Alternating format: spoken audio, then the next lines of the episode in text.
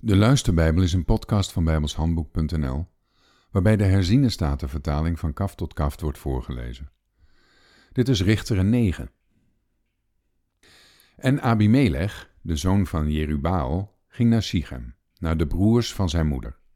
En hij sprak tot hen en tot heel het geslacht van de familie van zijn moeder, Spreek toch ten aanhoren van alle burgers van Sichem.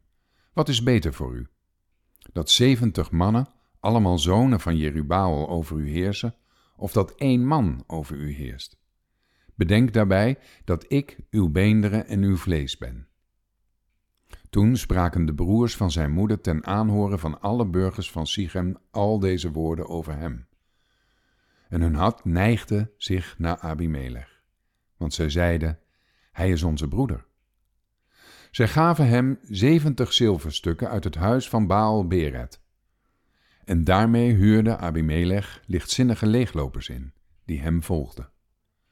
Toen kwam hij in het huis van zijn vader in Ofra en doodde zijn broers, de zonen van Jerubaal, op één en dezelfde steen, zeventig man. Maar Jotam, de jongste zoon van Jerubaal, bleef over, omdat hij zich had verborgen. Daarop verzamelden zich alle burgers van Sichem en heel Beth-Milo.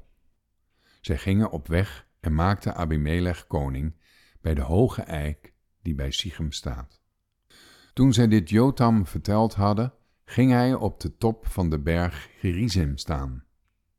En hij verhief zijn stem en riep en zei tegen hen, Luister naar mij, burgers van Sichem, dan zal God naar u luisteren. Eens gingen de bomen op weg om een koning over zich te zalven. Ze zeiden tegen de olijfboom, Wees koning over ons. Maar de olijfboom zei tegen hen, Zou ik mijn olie opgeven, die God en de mensen in mij prijzen? En zou ik weggaan om boven de andere bomen te zweven? Toen zeiden de bomen tegen de vijgenboom, Komt u, wees koning over ons. Maar de vijgenboom zei tegen hen, Zou ik mijn zoetigheid en mijn goede vrucht opgeven, en zou ik weggaan om boven de andere bomen te zweven? Toen zeiden de bomen tegen de wijnstok: Komt u, wees koning over ons. Maar de wijnstok zei tegen hen: Zou ik mijn nieuwe wijn opgeven, die God en mensen vrolijk maakt? En zou ik weggaan om boven de andere bomen te zweven? Ten slotte zeiden al de bomen tegen de doornenstruik: Kom, wees uw koning over ons. En de doornenstruik zei tegen de bomen: als u mij naar waarheid tot koning over u zalft, kom dan en neemt de toevlucht in mijn schaduw.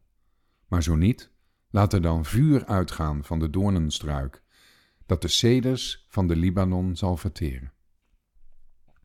Welnu, als u naar waarheid en in oprechtheid gehandeld hebt, toen u Abimelech koning maakte, en als u goed gehandeld hebt met Jerubaal en zijn huis, en als u met hem hebt gedaan overeenkomstig de verdiensten van zijn handen, mijn vader heeft immers voor u gestreden, zijn leven gewaagd, en u uit de hand van Midian gered.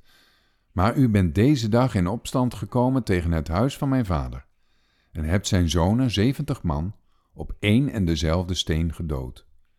En u hebt Abimelech, de zoon van zijn slavin, koning gemaakt, over de burgers van Sichem, omdat hij uw broer is.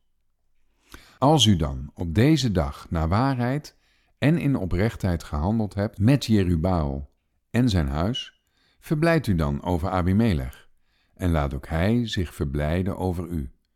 Maar zo niet, laat er dan vuur uitgaan uit Abimelech, dat de burgers van Sichem en Bet-Milo verteert. En laat er vuur uitgaan van de burgers van Sichem en Bet-Milo, dat Abimelech verteert. Toen ging Jotam haastig op de vlucht. Hij ging naar Beer en woonde daar vanwege zijn broer Abimelech. Toen Abimelech drie jaar over Israël geheerst had, zond God een boze geest tussen Abimelech en de burgers van Sichem.